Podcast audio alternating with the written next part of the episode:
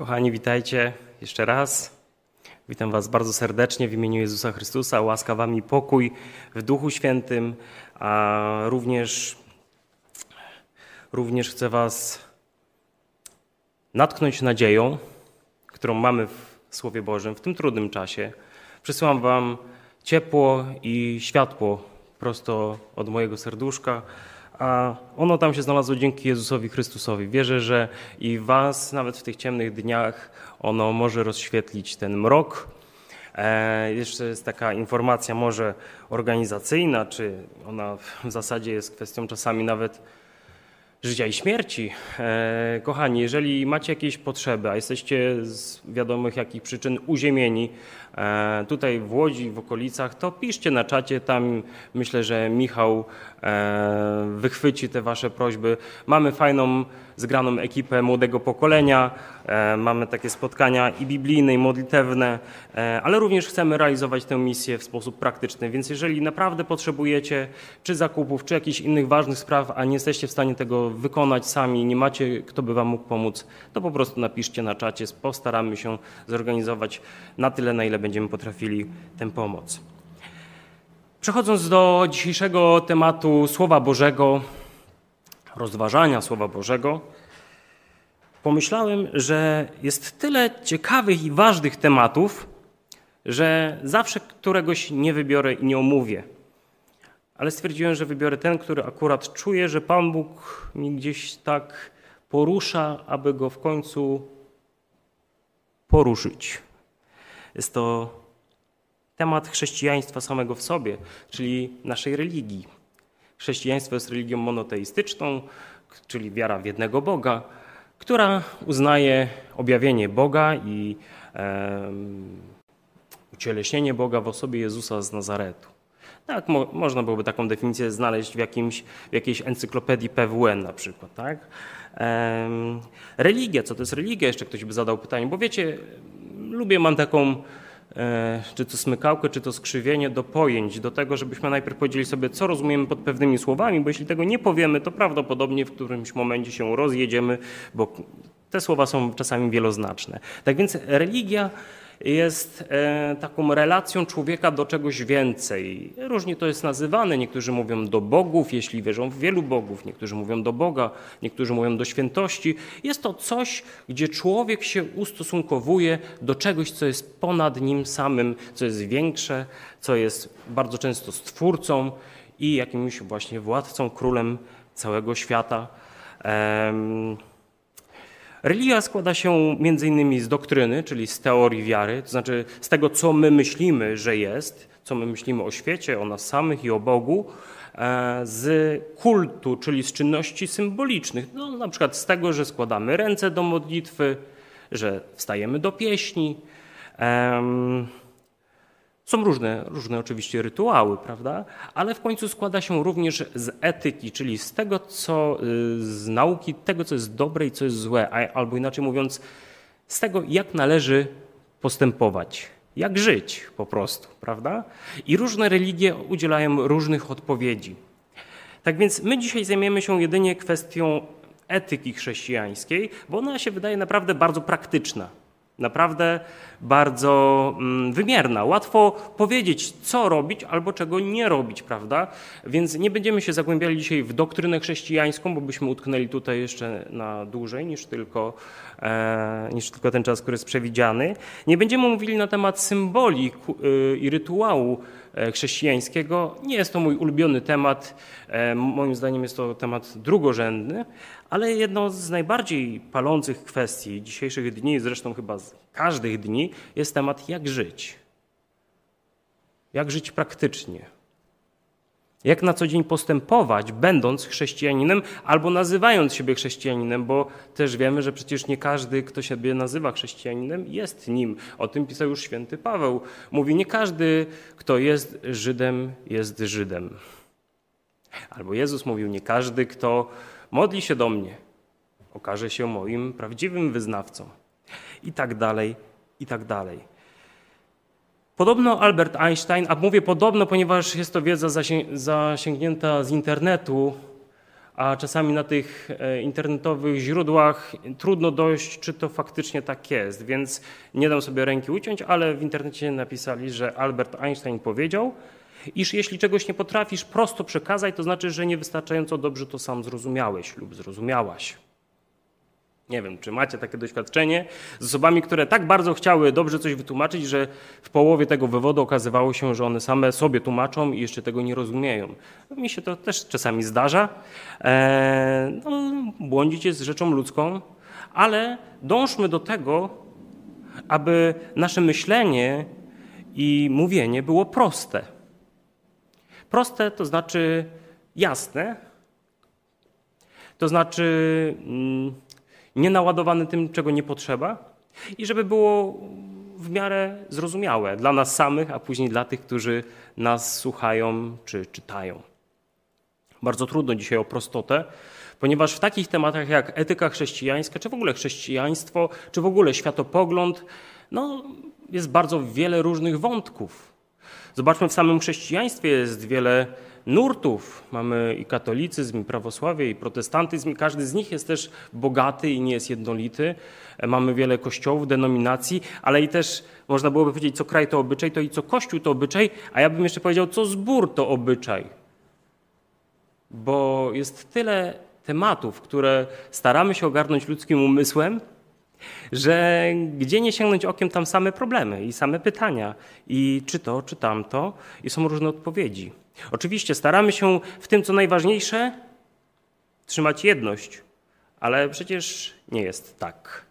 Nie jest tak, że w chrześcijaństwie mamy jedność w tym, co najważniejsze. Dlaczego? Dlatego, że różne rzeczy uważamy za najważniejsze.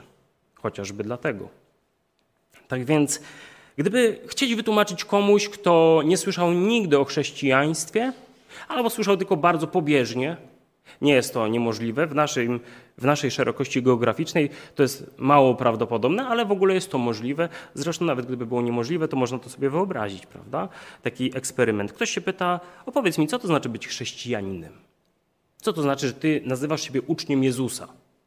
No i ten ktoś byłby tak łaskaw, żeby jeszcze dookreślił, że jemu chodzi o to, o tę etykę chrześcijańską, o to, jak postępować, jak żyć. Że nie pyta nas akurat o doktryny wiary, nie pyta nas o to, jak wyglądają nabożeństwa, ale pyta konkretnie o to, jak powinien postępować chrześcijanin, jakimi zasadami powinien się kierować.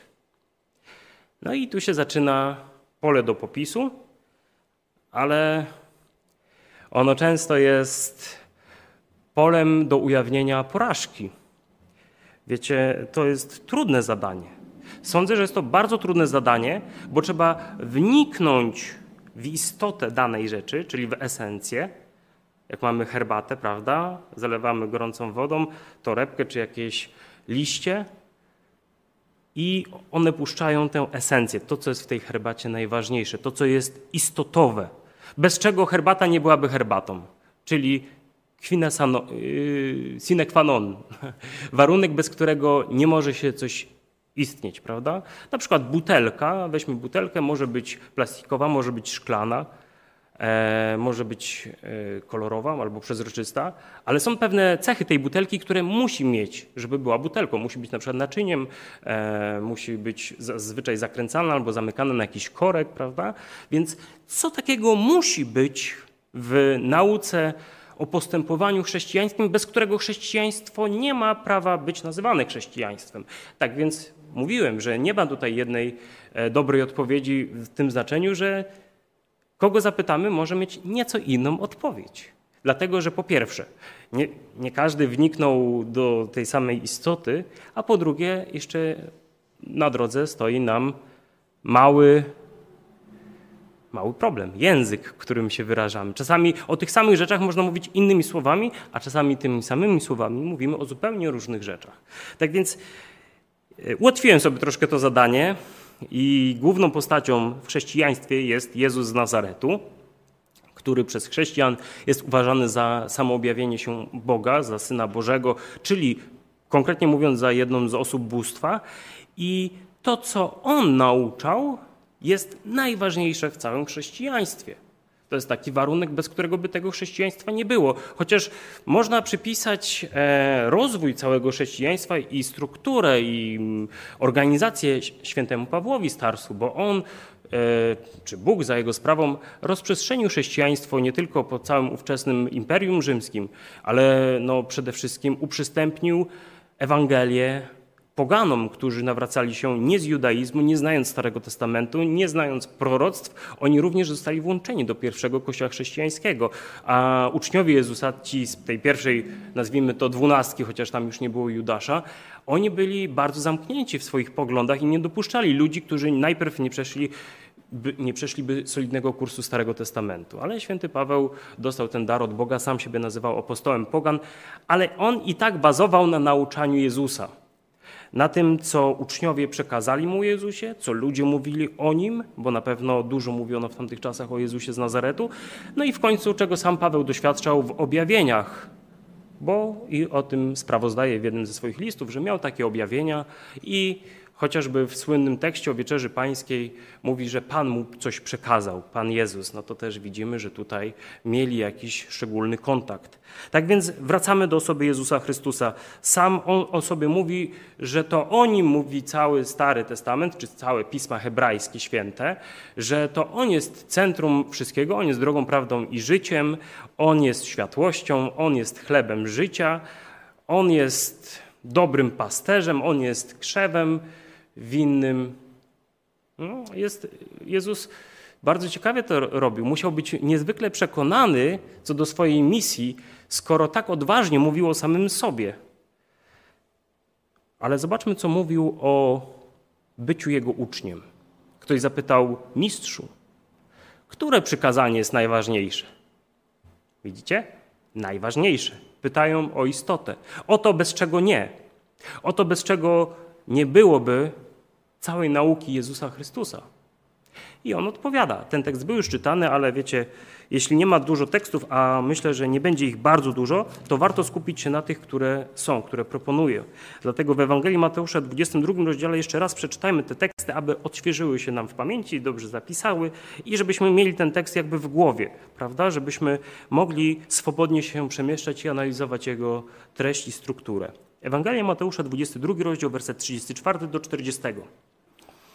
To są takie historie, tutaj akurat opisane, kiedy Jezus spotyka się ze swoimi oponentami, z dyskutantami, wcześniej z kapłanami, teraz e, z przywódcami politycznymi żydowskimi.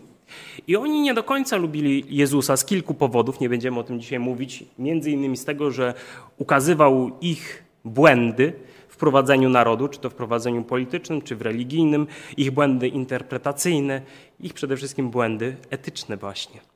I jedni yy, z tych grup, jedna z tych grup to byli właśnie faryzeusze. I gdy oni usłyszeli, że zamknął usta saduceuszom, czyli tym kapłanom, zgromadzili się wokół niego, a jeden z nich, znawca prawa, wystawiając go na próbę, zapytał: Nauczycielu, które przykazanie jest największe? A on powiedział: Będziesz miłował Pana, Boga swego, z całego swego serca i z całej duszy swojej i z całej myśli swojej. To jest największe i pierwsze przykazanie. A drugie, podobne temu, będziesz miłował bliźniego swego jak siebie samego. Na tych dwóch przykazaniach opiera się cały zakon, czy całe prawo i prorocy, czyli cały Stary Testament, byśmy powiedzieli językiem chrześcijańskim. Cały Stary Testament opiera się na tych dwóch przykazaniach. No, kochani, kochane adwentystki, kochani adwentyści, nie jest to wcale, okazuje się, czwarte przykazanie, najważniejsze. Tutaj Jezus podaje w ogóle jakieś dwa przykazania, które nie pochodzą z dekalogu, prawda? Będziesz miłował Pana Boga swego z całego serca swego i z całej duszy swojej i z całej myśli swojej. Tam są takie trzy słowa: serce, kardia, dusza, czyli psyche, od tego pochodzi też słowo psychika i w końcu trzecie słowo dianoja, czyli umysł w zasadzie. Tu jest w Biblii Warszawskiej przetłumaczone jako myśl. Największe i pierwsze przykazanie, ale zaraz po tym Jezus dodaje drugie, podobne temu, będziesz miłował drugiego człowieka jak samego siebie. Można powiedzieć, że udzieliłem odpowiedzi na tytułowe pytanie, czy na problem raczej, proste, trudne chrześcijaństwo, czyli czy ono jest proste, czy trudne do wytłumaczenia. Wydaje się, że proste, skoro można w kilku wersetach, a dokładnie w dwóch zdaniach, wyrazić jego istotę, to co jest najważniejsze w etyce chrześcijańskiej. I to robi Jezus. Czy to jest proste? Czy to jest trudne? Nie pytam w tej chwili o praktykę, bo tu już podpowiem, że praktyka jest nie taka prosta.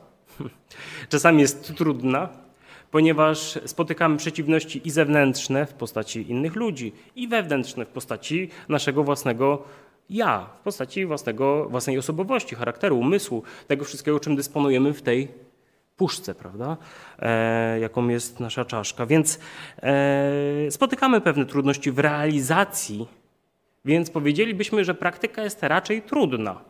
Chociaż i tu zdania będą podzielone, bo Jezus powie, ciasna jest brama i wąska droga, która prowadzi do życia wiecznego.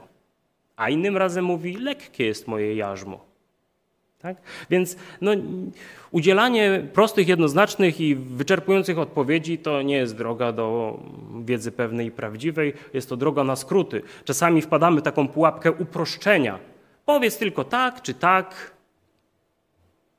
Czy już przestałeś okradać swoich rodziców, czy jeszcze ich okradasz, na przykład, fałszywa alternatywa.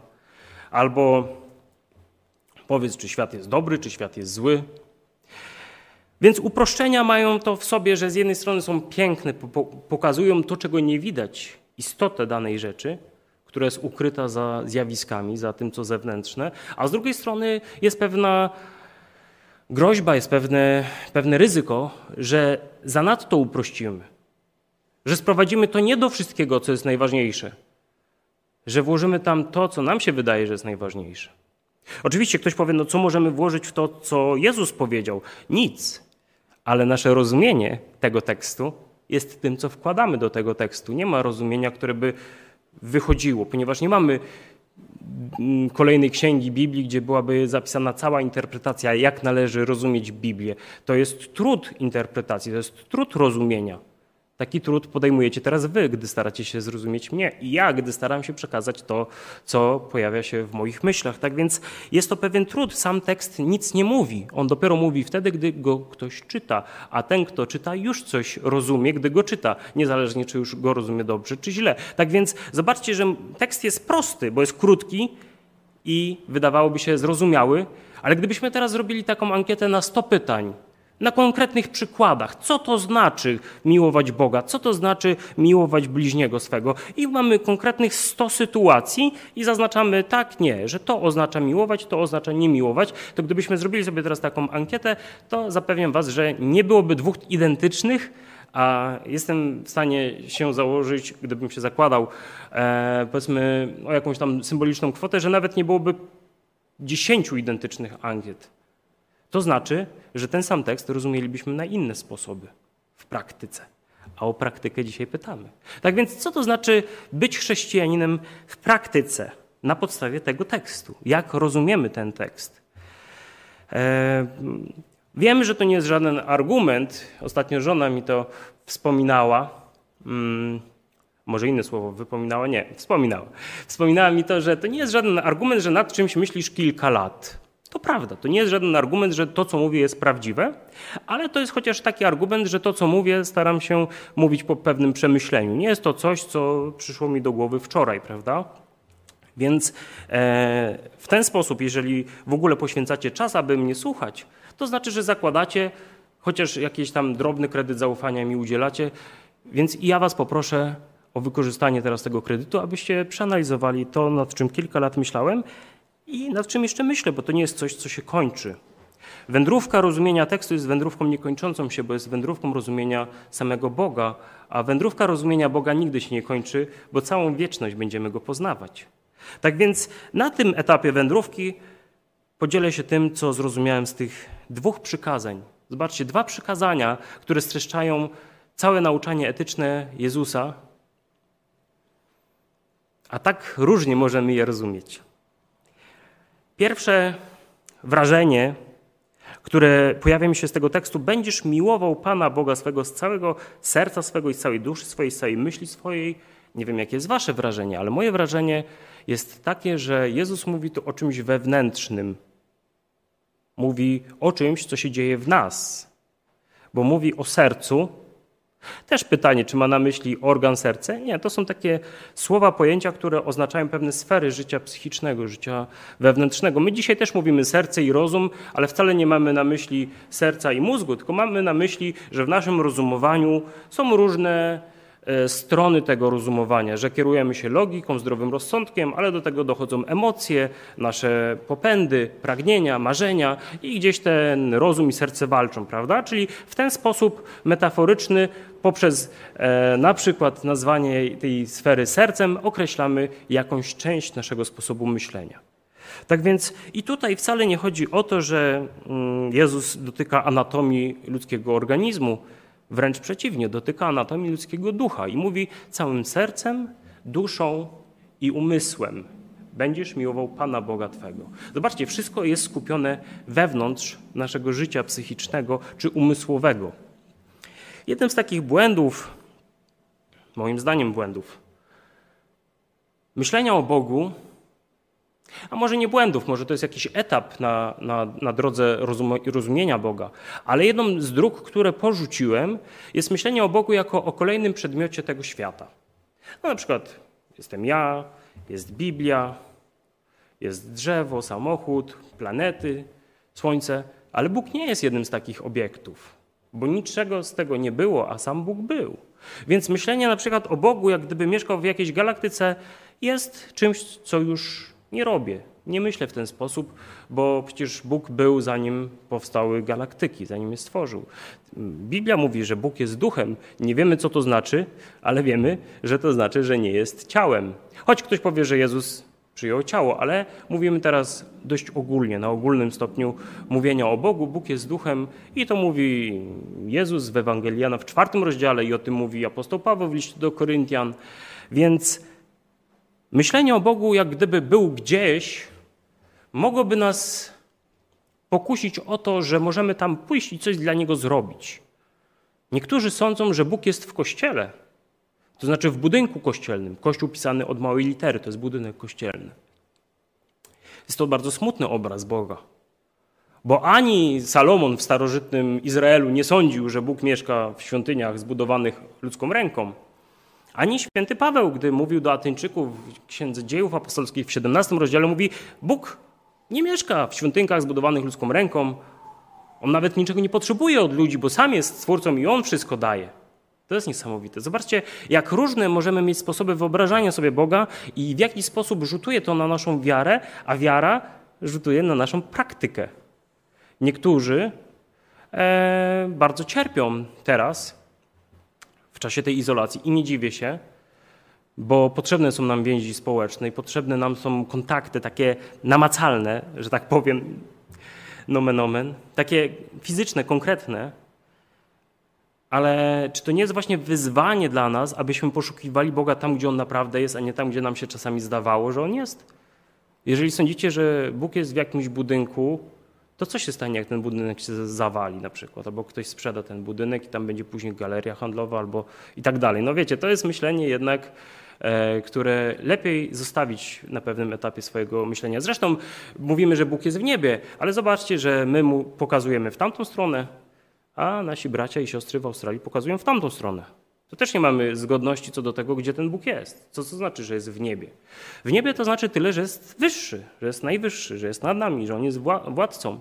Ale wcale to nie znaczy, że wiemy, gdzie ten Bóg się znajduje. Bo powiedzieć, że o Bogu, że jest gdzieś w tym świecie, to jest tak, jakby właśnie powiedzieć, że jest jednym z elementów tego świata. I wtedy faktycznie można byłoby wysłać jakąś rakietę kosmiczną, można byłoby tam zapakować nasze dary dla tego Boga, można byłoby się tam udać być może w jakiejś odległej przyszłości i o tego Boga się zatroszczyć. No bo co to znaczy miłować Boga? To, to też bierzemy z języka ludzkiego, prawda?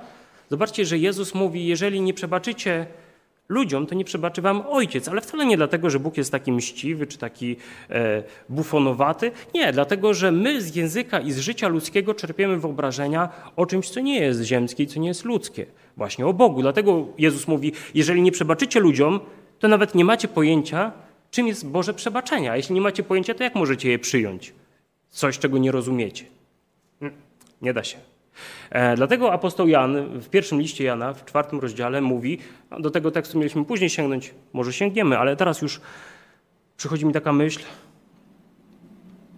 jak możesz miłować Boga, którego nie widzisz, skoro nie miłujesz bliźniego swojego, którego widzisz? I znowu od tej przyziemnej warstwy idziemy do tej wyższej. Koszula bliższa ciału, prawda? Od tego, co znamy w naszym otoczeniu, idziemy do tego, co jest wyżej. Dlatego też badania psychologiczne potwierdzają, że te osoby, które mm, nie doświadczyły miłości na przykład ojca czy w ogóle rodzicielskiej, mają o wiele trudniej, trudniejsze zadanie uwierzyć w Boga, albo jest to nawet neurologicznie niemożliwe, żeby one to mogły zrobić. Dlaczego? Dlatego, że właśnie z tego, co jest wokół nas i czego doświadczamy, czerpiemy język i sposób myślenia o tym, czego nie widać. A Bóg jest właśnie tym, którego nie widać. Tak więc, co to znaczy miłować Boga? Bo przecież w języku ludzkim miłować to nie tylko znaczy żywić uczucie, bo to jest taka troszkę romantyczna, idylliczna, nieprawdziwa wersja słowa miłować, tego słowa agape, miłość, agapao, miłuję.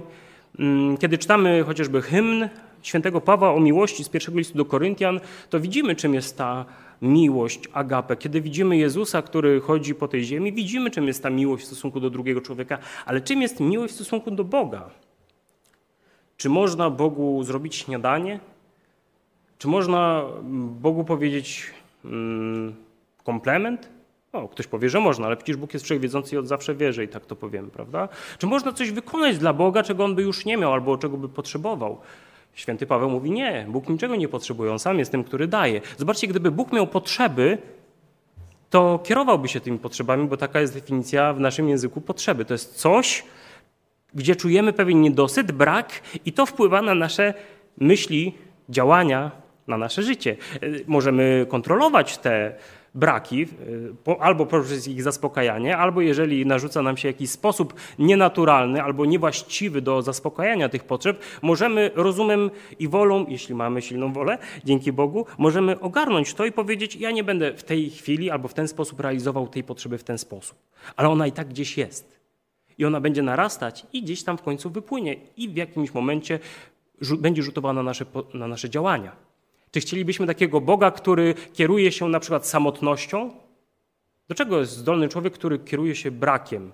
A do czego zdolny byłby Bóg, który kierowałby się brakiem? Samotnością? Smutkiem? Brakiem harmonii? Ja wiem, że język biblijny używa różnych ludzkich terminów do tego, aby określić nasze rozumienie Boga, ale chyba nie sądziliśmy, a może sądziliśmy, że to jest dosłowny opis tego, jak Bóg jest, jak On żyje.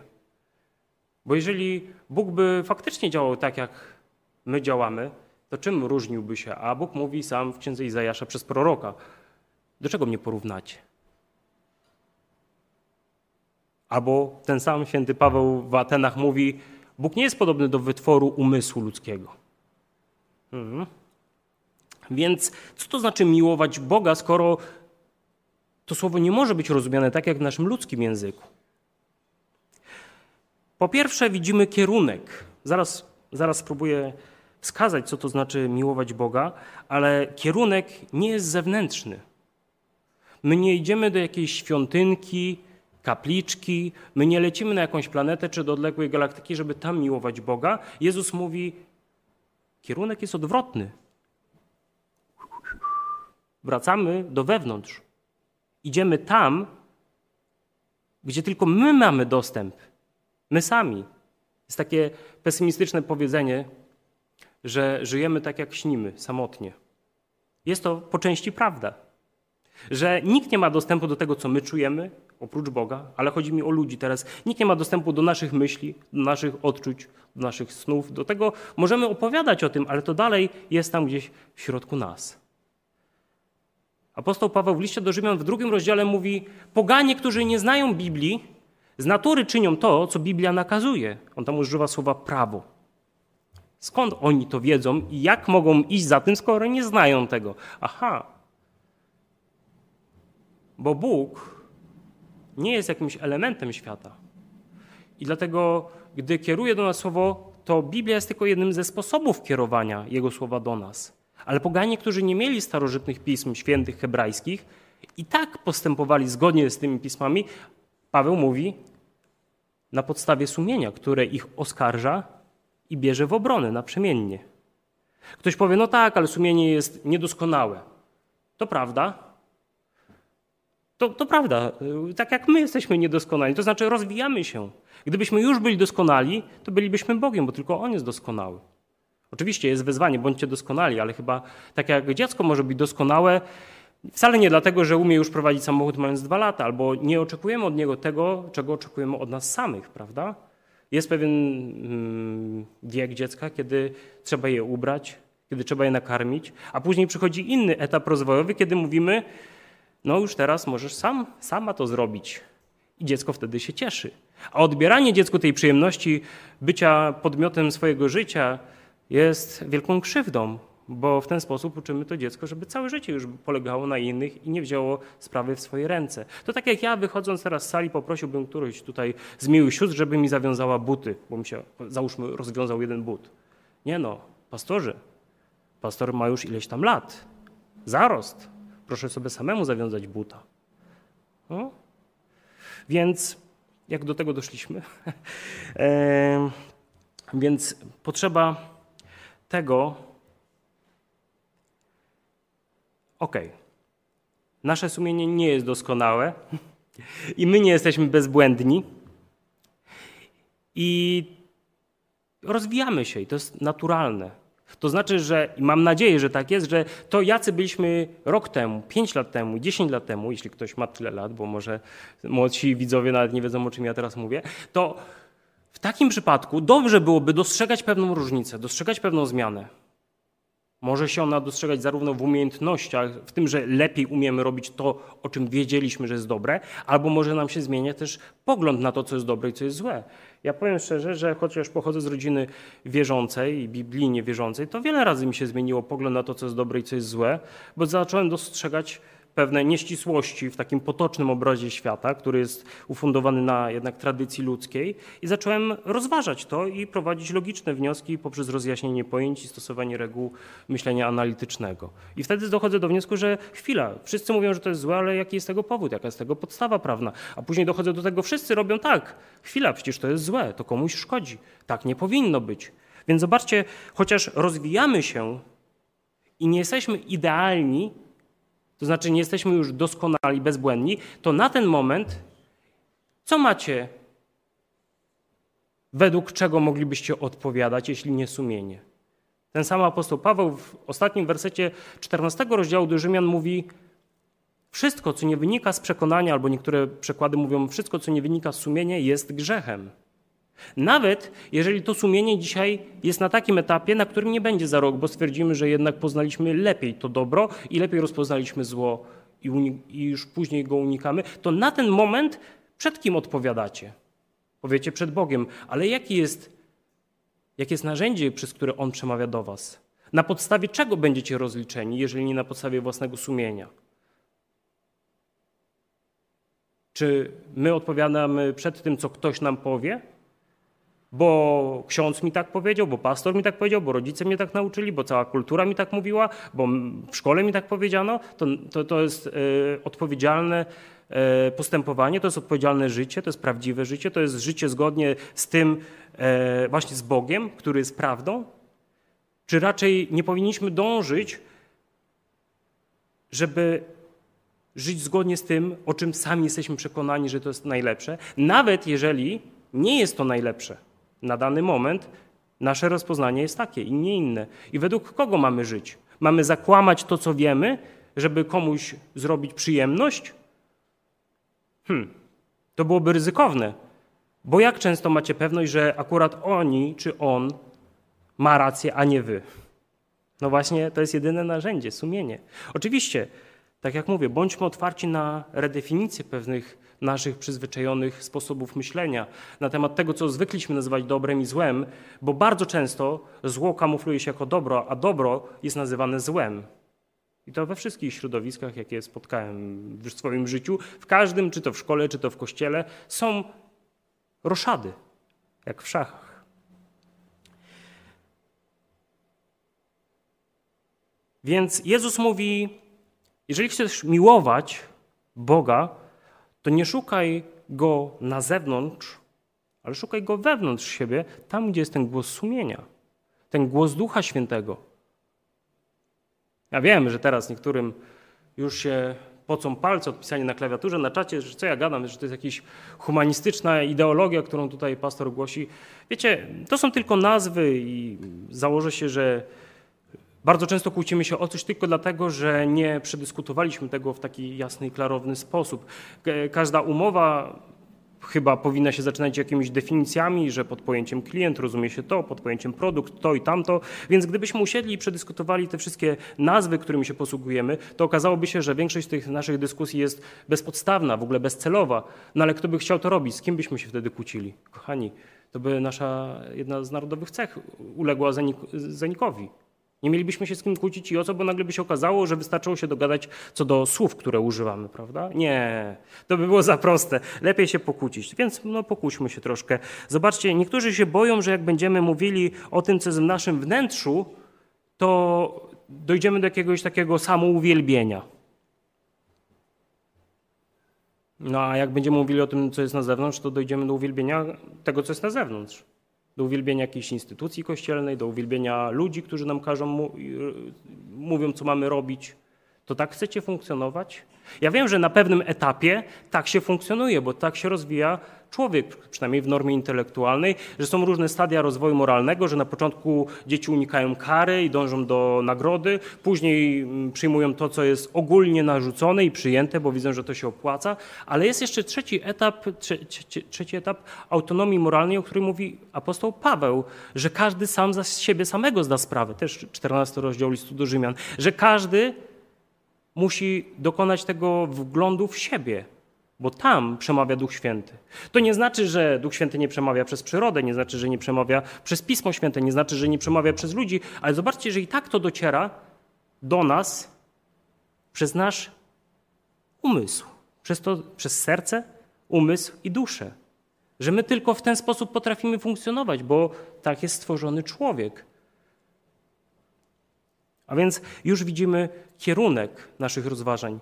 Chrześcijaństwo w pierwszej kolejności stawia na to, co nie jest widzialne, na to, co nie jest, nazwijmy to, materialne. Chociaż też nie chcę teraz wchodzić w zaułki neuro, neurobiologii, neuropsychologii. Natomiast nazwijmy to, że to nie jest materialne, tak? Na to, co jest dostępne każdemu z nas.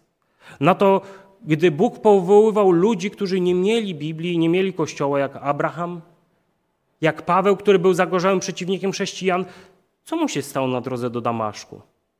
Okej, okay, zobaczył Jezusa, który do niego mówił, ale coś musiało zajść w środku jego umysłu.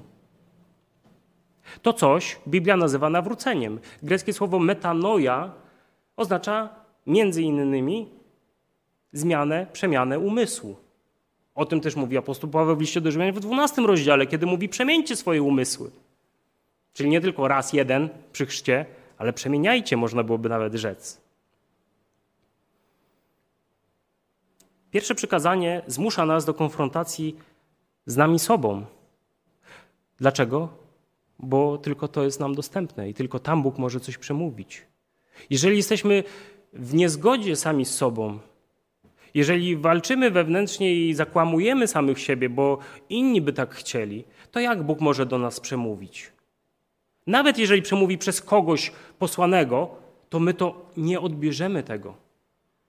Nie przyjmiemy tego, bo nasz umysł będzie zatopiony w tym, co inni ludzie chcieli, żeby on był. Będziemy wtedy na podobieństwo innych ludzi, a nie na podobieństwo Boga. Miłować z całego serca, z całej duszy, z całej myśli swojej Pana Boga. I teraz mógłbym zamilknąć i to byłoby równie dobre, bo powiedzieć coś o Bogu jest bardzo trudno, żeby to było pewne i prawdziwe. Ale jednak staramy się coś mówić o Panu Bogu, dlatego że jesteśmy osobami czy istotami komunikującymi się, rozumiejącymi się i innych. Potrzeba nam jest nazwać coś, potrzeba nam to sobie jakoś opowiedzieć, bo tylko wtedy możliwy jest rozwój. Tylko wtedy, gdy opowiadamy sobie, tworzymy pewną wspólnotę myśli, wtedy możemy korzystać na przykład z dobrodziejstwa internetu. Nikt tego sam nie wymyślił. To była pewna kontynuacja historii rozwoju techniki i technologii. Dlatego, że mówiliśmy o pewnych ciekawych spostrzeżeniach i każdy coś tam dokładał, a później byli geniusze, którzy robili te skoki milowe. Tak więc, co rozumiemy pod pojęciem Boga? Hmm, ciekawe, co? Bo znowu zrobilibyśmy test na tysiąc pytań, konkretnych pytań na temat Pana Boga w konkretnych sytuacjach. Czy Pan Bóg to pochwala, czy nie? Czy Pan Bóg tak by się zachował, czy inaczej? Czy Pan Bóg jest taki, czy inny? Tysiąc pytań i znowu żadna z tych ankiet nie powtórzyłaby się identycznie. Nawet nie sądzę, że 100 ankiet by było identycznych. Nie, no co ja mówię. Nie sądzę, że 10 ankiet byłoby identycznych. Nawet w tym samym kościele, w tym samym zborze, słuchając tego samego kazania, macie tak inne swoje wnioski, więc co ja tutaj mówię. Więc o Panu Bogu naprawdę trudno powiedzieć, ale to, co wiemy z Biblii i to, co przeczuwamy przez Ducha Świętego, to można powiedzieć kilka rzeczy, które staram się teraz streścić. Po pierwsze, Bóg jest. I to on sam powiedział do Mojżesza, na pustyni Synaj, jestem, który jestem. Bóg nie użył żadnego konkretnego imienia, nie, no okej, okay. niektórzy mówią, że użył tego imienia, którego nie wiem jak się wypowiada, ale ono i tak w, swojej, w swoim rdzeniu posiada słowo być, że Bóg jest. Nie nazwał siebie jakimś imieniem własnym, zaczerpniętym z po prostu nazw, ze słownika imion, imion prawda? Bóg jest, Bóg jest istnieniem, Bóg jest tym, który jest naprawdę i który jest niezależnie od czegokolwiek, i który zawsze był, jest i będzie, i który udziela swojego istnienia temu światu.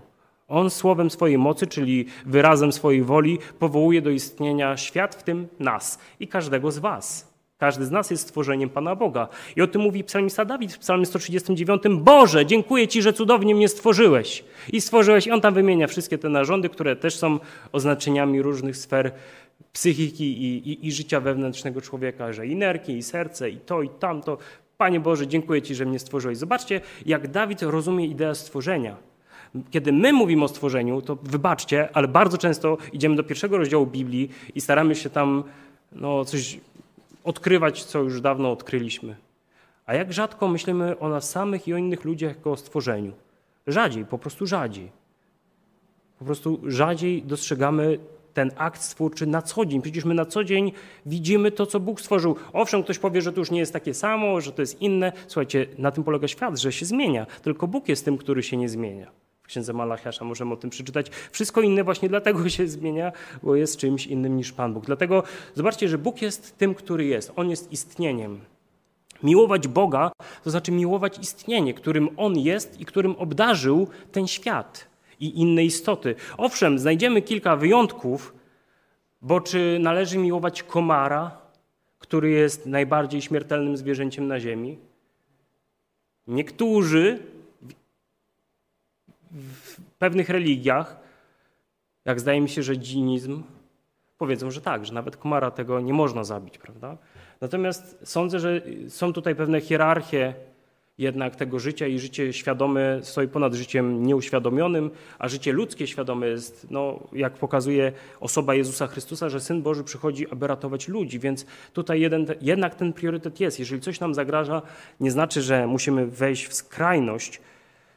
Potrzebny jest też zdrowy rozsądek i rozum, ale jednak, jednak, jeżeli by ten komar nas nie kłuł, nie roznosił chorób, to czy powinniśmy go zabijać? Albo Dobrze, nie będę poruszał wszystkich owadów, bo może nie każdy jest odporny na to, ale generalnie powinniśmy docenić Boże istnienie, którego udzielił żywym istotom, z rozsądkiem, ale na tyle, na ile potrafimy, tak daleko, na ile potrafimy, powinniśmy iść w tym kierunku, aby chronić i zapewniać odpowiednią jakość dla wszystkich istnień, które spotykamy, a najbardziej dla istnień ludzkich. Oczywiście, tak jak mówię, jest w tym wielka zagadka i trudność, bo jest, są setki i tysiące przypadków, kiedy musimy przejść do konkretnych rzeczy i wtedy musimy rozważać każdy przypadek indywidualnie. Ale Bóg jest też dobrem. Objawia się jako dobro. Gdy zakosztowaliście, że dobry jest Pan. Tekst z psalmu, który cytuje apostoł Piotr w pierwszym swoim liście.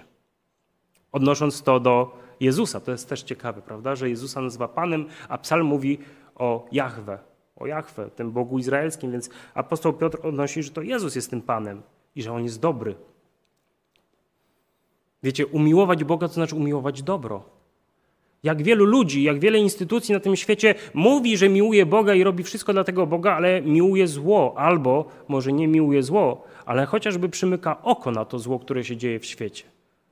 Daleko trzeba szukać takich instytucji? Niedaleko. Myślę, że każdy Polak mógłby teraz wymienić pewną instytucję religijną, która pod przykrywką bardzo pięknych idei ukrywa zło, które się dzieje w tej instytucji. Powiem Wam, że to nie jest jedyna taka instytucja, bo myślę, że wszędzie jest coś. Wszędzie jest ten ludzki czynnik, który dąży do zniszczenia tego, co boskie, zniszczenia tego dobra. Czasami przez brak rozumności, czasami przez zaniedbanie, przez strach, lęk. Ale tak nie powinno być. To nie jest chrześcijaństwo. Chrześcijaństwo to jest umiłowanie dobra, umiłowanie istnienia, umiłowanie dobra, umiłowanie prawdy.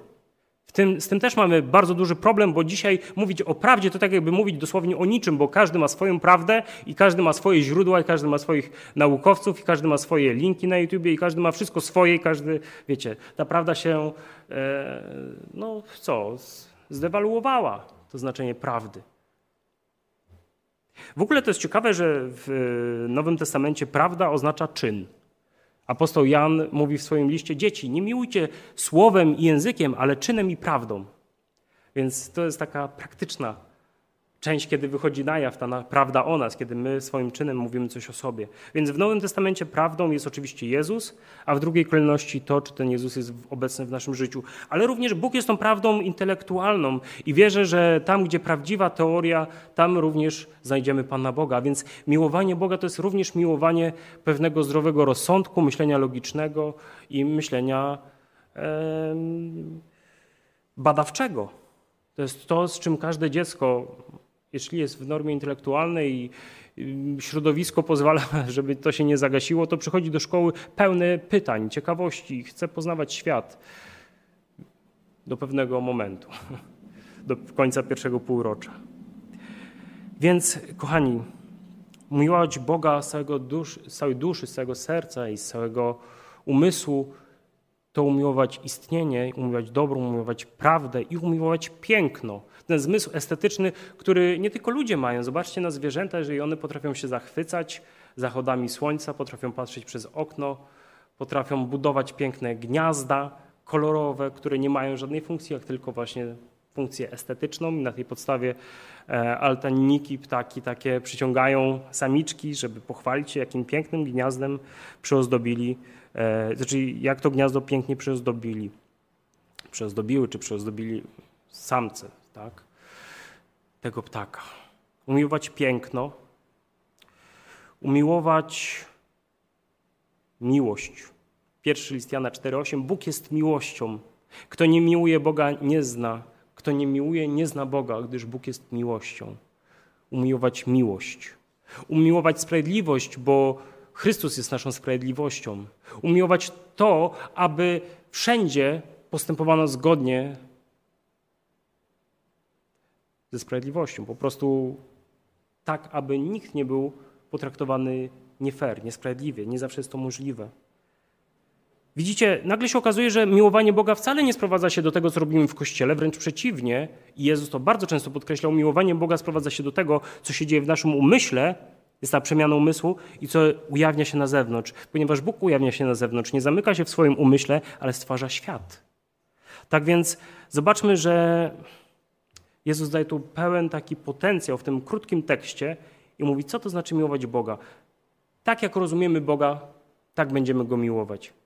Jeżeli chcemy Go rozumieć na sposób, ja to nazwę, przepraszam, mm, dziecinny, nie dziecięcy, bo dziecięcy sposób jest bardzo piękny, ale apostoł Paweł w pierwszym liście do Koryntian i w 14 rozdziale mówi, gdy chodzi o czynienie zła, to bądźcie jak dzieci, ale gdy chodzi o myślenie, bądźcie jak dorośli.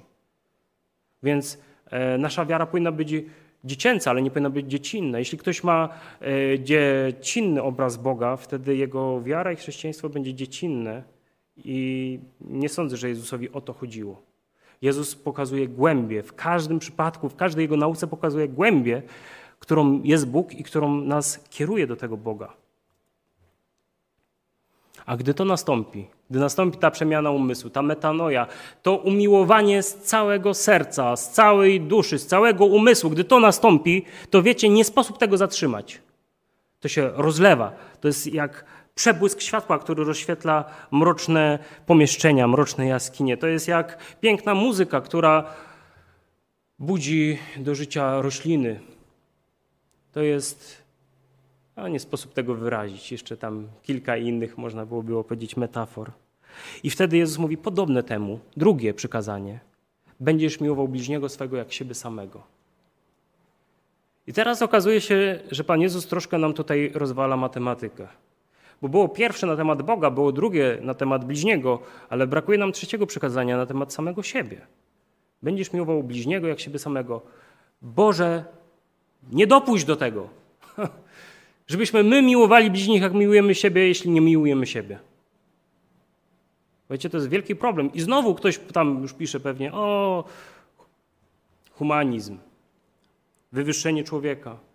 Tylko tak właśnie działa człowiek, a to wiedzielibyście lub wiecie, jeśli badacie ducha ludzkiego i badacie to, czym jesteście, to wiecie dobrze, że to, co jest w nas, jest i też poza nami, bo z obfitości serca mówią usta a nie możemy dać tego, czego nie mamy.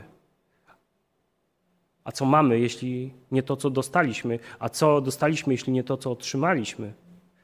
Czy więc możecie dać miłość, jeśli nie macie tej miłości? Czy możecie dać sprawiedliwość, jeżeli nie doświadczyliście, nie przyjęliście tej sprawiedliwości od Boga? Czy można dać to przebaczenie, którego nie przyjęliśmy? A czy tym pierwszym przebaczeniem jest przebaczenie samemu sobie i całemu światu? Że znajdujemy się w takiej, a nie innej sytuacji. Przecież bardzo łatwo zwalić na wszystko inne. I to nie jest bezzasadne. Moim zdaniem jest to bardzo matematyczne. Przecież ja składam się z pewnych genów, których sobie nie wybrałem.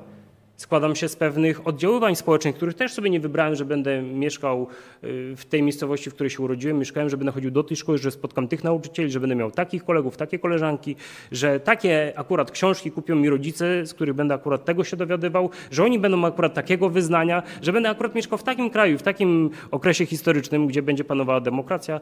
E, i jeszcze kilka innych wartości, które jednak jeszcze są więc zobaczcie, ja sobie tego nie wybrałem, a jednak jestem tym, co mnie ukształtowało.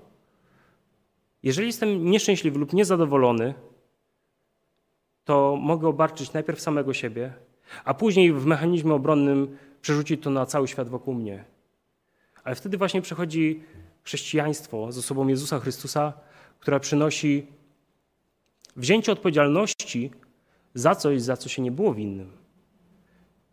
Nie po to, aby być męczennikiem, bo Jezus nie przychodzi tutaj po to, aby być męczennikiem, ale On jest męczennikiem dlatego, aby nas ratować. Nagle się okazuje, że przebaczenie samemu sobie i całemu światu nie jest po to, żeby teraz być herosem wiary i świętym adwentystycznym, ale po prostu po to, że to jest jedyna droga do tego, aby pójść dalej, aby zostawić to, co było za nami i skierować się ku temu, co jest przed nami, w tym, co jest teraz. Czasami mam wrażenie, że mówienie o miłości do samego siebie w chrześcijaństwie graniczy z jakimś bluźnierstwem, że to tak jakbyśmy bluźnili samemu Bogu, że mówimy o tym, żeby troszczyć się o samego siebie. Wróćcie do tego przy, przykładu, przewincie sobie tam, gdzie mówiłem o zawiązywaniu butów. To też jest dbanie o samego siebie, żebym nie przewrócił się na tych jakże prostych chodnikach łodzi. To też jest dbanie o samego siebie i o innych przy okazji. Bo kiedy ja się nie przewrócę, to może nie wpadnę też na kogoś, kogo mógłbym przewrócić. Mówienie o potrzebach dzisiaj w kościele graniczy z jakimś obrazoburstwem, występowaniem przeciwko Jezusowi, przeciwko Bogu, tak jakby to było coś sprzecznego. Przecież kto dał człowiekowi potrzeby? Myśmy sami siebie nie stworzyli. Kto stworzył Adama nieszczęśliwym w raju? Bo Adam mówi, czegoś mi tu brakuje. Wszystkie zwierzęta mają parę, a ja jestem sam. Kto włożył i stworzył taką sytuację, jeśli nie Bóg? Żeby on sam doszedł do tej potrzeby i żeby był otwarty na to, żeby ją zaspokoić. A więc, kochani, między pierwszym a drugim przykazaniem nie ma trzeciego przykazania. To znaczy, że albo w drugim, albo w pierwszym zawiera się miłość do nas samych. Bo jeśli Jezus mówi, miłuj bliźniego swego jak samego siebie, to gdzieś musiał powiedzieć, miłuj samego siebie. Ale drugie przykazanie nie jest o nas, ale jest o innych. To gdzie on o tym powiedział? Już powiedzieliśmy sobie troszkę na ten temat w pierwszym przykazaniu, bo my jesteśmy stworzeniem Boga. A dbanie o Boże stworzenie jest oddawaniem Jemu czci. To jest pierwsze, najważniejsze i najtrudniejsze zadanie, jakie Bóg nam dał. Misja, powołanie, powołanie do bycia sobą. Wszystko, co robimy, wynika z tego, że najpierw, że w ogóle jesteśmy. Dlatego dbamy chociażby o swoje zdrowie. Zobaczcie, jest taki piękny tekst, który jako Kościół Adwentystów bardzo, bardzo mocno akcentujemy i bardzo mi się to podoba. Dlatego też to zrobię teraz. E, zapisany w pierwszym liście do Koryntian w rozdziale e, szóstym albo siódmym. Szóstym, w wersecie 19 i 20. Pierwszy list do Koryntian 6, 19, 20. Albo czy nie wiecie, że ciało wasze, o, bardzo cielesny tekst, że ciało wasze jest świątynią Ducha Świętego, który jest w was i którego macie od Boga i że nie należycie też do siebie samych? Drogoście bowiem kupieni. Wysławiajcie tedy Boga w ciele waszym. Oczywiście często mówimy, że ten tekst dotyczy tego, żeby zdrowo się odżywiać, dbać o aktywność fizyczną, no i nie, mm, jak to powiedzieć, nie wprowadzać umysłu w stan nietrzeźwości, żeby sprawnie funkcjonować myślnie i fizycznie, psychicznie i, i ruchowo. Na tyle, na ile jesteśmy w stanie. Ale czy to nie jest za mało? Czy to nie pachnie wam malizną? Tu chodzi o coś więcej. Apostoł Paweł mówi, że nasze ciało jest świątynią Boga. Czy nie, to nie pachnie wam dalekim wschodem? No pachnie. Dlatego, że różne prawdy, tak jak słyszeliśmy na lekcji Hope Channel, są rozsiane w różnych religiach i filozofiach w różnej mierze. I apostoł Paweł mówi: was mieszka Duch Święty. To pomyślcie sobie, jak jesteście drogocenni dla Boga. Wy. I od tego się zaczyna cała podróż chrześcijanina, że człowiek rozumie, kim on jest dla Chrystusa, kim on jest dla Boga Ojca. Że Duch Święty, jak mówi ewangelista Jan, jak sprawozdaje mowy Jezusa, Jezus mówi, kto mnie umiłuje, to do Niego przyjdziemy i u Niego zamieszkamy. On, Jezus i Ojciec. Przez kogo? Przez Ducha Świętego. Bo Jezus mówi, jeszcze krótka chwila i nie będę z wami. Ale nie zostawię was sierotami, przyjdę do was powtórnie. Poślę pocieszyciela, który, Ducha Świętego, który jest z wami i będzie w was, którego świat poznać nie może, bo go nie widzi. Zobaczcie, jaka to jest piękna nauka, że Jezus mówi: Jesteście światłością świata. Światłością w Biblii określony jest sam Bóg, który mieszka w światłości niedostępnej, który w pierwszym dniu stwarza światłość. Pan jest światłością moją, Jego słowo jest światłością na ścieżkach moich. Ja jestem światłością, mówi Jezus, ale Jezus też mówi: Wy jesteście światłością, wy jesteście solą ziemi. Niech ludzie widząc wasze światło, wasze dobre uczynki, chwalą Ojca, który jest w niebie. Czyli jesteśmy takim ujawnieniem się Boga, kanałem, przez który Bóg oblewa łaskę na ten świat, przelewa.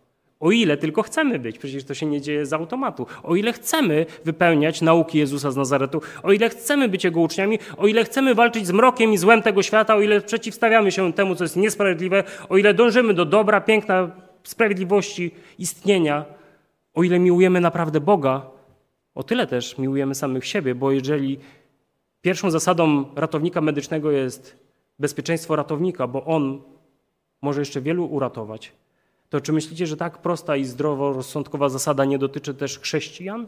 Że jeżeli chcemy innym dać coś, to sami musimy mieć. Jeśli chcemy innym pomóc, to sami musimy najpierw dać sobie pomóc Jezusowi. Jeżeli chcemy przekazać tego Ducha Świętego, nie my to robimy, ale przez nas to się może stać. Czy nie sami powinniśmy oddać się Jemu we władanie? Jeżeli chcemy nieść światło, czy sami nie powinniśmy najpierw to światło przyjąć i pozwolić, aby ono się rozświetliło w nas? Słuchajcie, takich praw fizyki, matematyki żadne, naj, nawet najszczersze chęci nie usprawiedliwią. W sensie nie, nie, nie, nie przeciwstawią się temu. Ja wiem, że my mamy dobrą chęć wywyższenia Boga, ale robimy to bardzo często kosztem uniżenia samych siebie i innych w kościele, a nie tylko w kościele, ale i poza kościołem. A przecież i tam są dzieci Boga, które w swoim czasie uświadomione pójdą za Bogiem. To co my tak naprawdę robimy, wywyższając Boga, a niszcząc samych siebie i innych? Wtedy my tak naprawdę niszczymy Boga. Tylko robimy to pod bardzo ładną przykrywką. Czyli robimy to cały świat, tylko używamy innych słów do tego. Czy tak chcecie, żeby wyglądało chrześcijaństwo? Czy tego chciał Jezus, gdy mówił kazanie na górze, że tak mają żyć jego uczniowie? Czy o tym pisał Jan, kiedy mówi dzieci miłujcie się? Czy to miał na myśli apostoł Paweł, kiedy mówi wiedza wbija w pychę, ale miłość buduje? Starajcie się usilnie o większe dary łaski, a ja wam wskażę jeszcze drogę doskonalszą. I wtedy zaczyna się hymn o miłości. Mówi, teraz nasze poznanie jest cząstkowe, nasze prorokowanie cząstkowe. Teraz jest nadzieja, wiara i miłość, ale miłość jest z nich największa, bo nadzieja i wiara przeminą, kiedy spotkamy Boga twarzą w twarz i kiedy ta nadzieja się spełni. Ale miłość pozostanie, bo Bóg jest miłością. Zobaczcie, że ta miłość nie omija samych chrześcijan. Że chcąc kochać Boga i chcąc kochać innych, a nie kochać siebie, to zachodzi pewna sprzeczność, której nie usuniecie nawet najbardziej wykwintną i wyrafinowaną teologią, która przeczy prawo matematyki, bo matematykę też Pan Bóg wymyślił. Więc wracając do Ewangelii Mateusza, kiedy pytamy, co jest istotą chrześcijaństwa, co jest istotą postępowania chrześcijańskiego, w dwóch zdaniach nie da się tego odpowiedzieć. Ale Jezus mówi: miłuj Boga i miłuj drugiego. Ale w tym również też zawiera się przyjęcie tej miłości względem samego siebie, przebaczenie samemu sobie, bo tym jest przecież przyjęcie wybaczenia. Ludzie chodzą do kościoła wiele lat, a ciągle mają wyrzuty sumienia wobec tego, co zrobili kiedyś. Dlaczego? Bóg im przebaczył, powiedzą, ale oni nie przyjęli tego przebaczenia. Bóg ich kocha, ale oni siebie samych nie kochają i to budzi jeszcze impuls do tego, żeby innych nie kochać. To nie jest chrześcijaństwo, to jest parodia chrześcijaństwa, to jest pseudochrześcijaństwo i to nie jest droga, którą uczył nas Jezus. Zobaczcie, że Jezus, on na każdym kroku pokazywał, że dla niego najważniejszy jest drugi człowiek, ale to, co robił, również robił w zgodzie z samym sobą.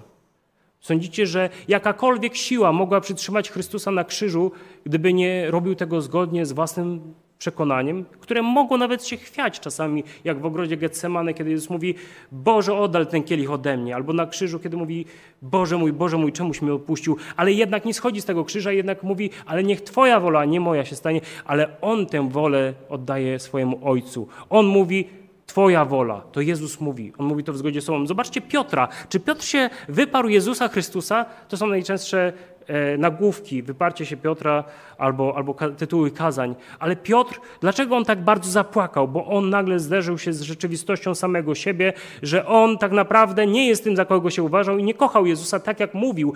Jezus mówi, wszyscy się mnie wyprzecie. Piotr mówi, panie, wszyscy wokoło mamy zgodę. Jasne, to jest proste, ale ja ja nigdy. I kiedy przychodzi to załamanie, on rozumie, że on tak naprawdę wyparł się samego siebie. Że przez te 3,5 roku chodził z Jezusem i utożsamiał się z nim, z jego naukami. Był pierwszy do wyjścia z łodzi, kiedy Jezus pojawił się na jeziorze galilejskim. Był pierwszy do wielu różnych rzeczy, ale kiedy przyszedł prawdziwy test, on zawiódł i okazało się, kim naprawdę jest. I miał poważny problem. Ale Jezus przyszedł do niego z akceptacją, miłością i powiedział: Piotrze, jak się nawrócisz, paś moje owce. To powiedział trzy razy. Piotr kiedyś spytał, czy do, aż, aż do trzech razy trzeba przebaczyć komuś, jak mi zawini. Jezus wykorzystał liczbę trzy, żeby podkreślić Piotrowi, ja ci przebaczyłem, ja cię kocham.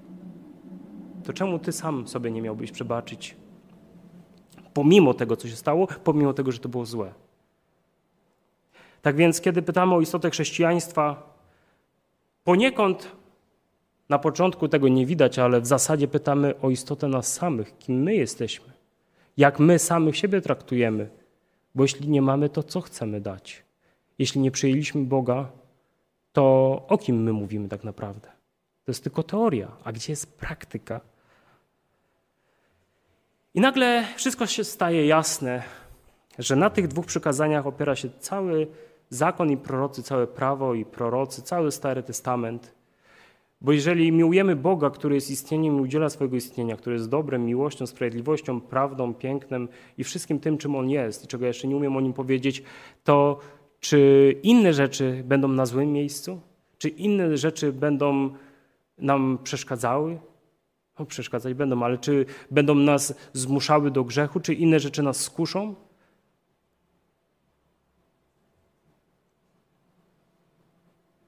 Dlatego moje wezwanie jest takie, abyśmy przyjrzeli się tym tekstom. Nie na zewnątrz, jak to czasami mamy manierę szukać Boga wszędzie tam, gdzie go najmniej widać. Zamknijcie swoje oczy albo skupcie, skoncentrujcie swoje myśli na tym, który jest, który jest istnieniem, miłością, dobrem, sprawiedliwością, prawdą, pięknem. I słuchajcie się w Jego głos. Przypomnijcie sobie te wszystkie historie z Ewangelii, gdy apostołowie opisywali Jezusa. Włóżcie w te historie samych siebie. Zobaczcie, jak On was traktuje, jak On do was podchodzi. Może znajdziecie jakąś historię, która pasuje do waszej historii, a może, może tego nie ma w Ewangelii i moglibyście opisać swoją historię, jak Jezus przychodzi do was. I wtedy w każdej z tych historii, w każdej dosłownie, nawet w przypadku wrogów Jezusa, następuje pewna przemiana umysłu. Wiele razy w stronę dobra i światła, czasami ludzie się zamykają w stronę mroku i zła. Bierzmy przykład z tych, którzy poszli w stronę dobra, którzy chętnie odpowiedzieli Bogu i którzy swoje serca, dusze, umysły oddali Jemu. Amen.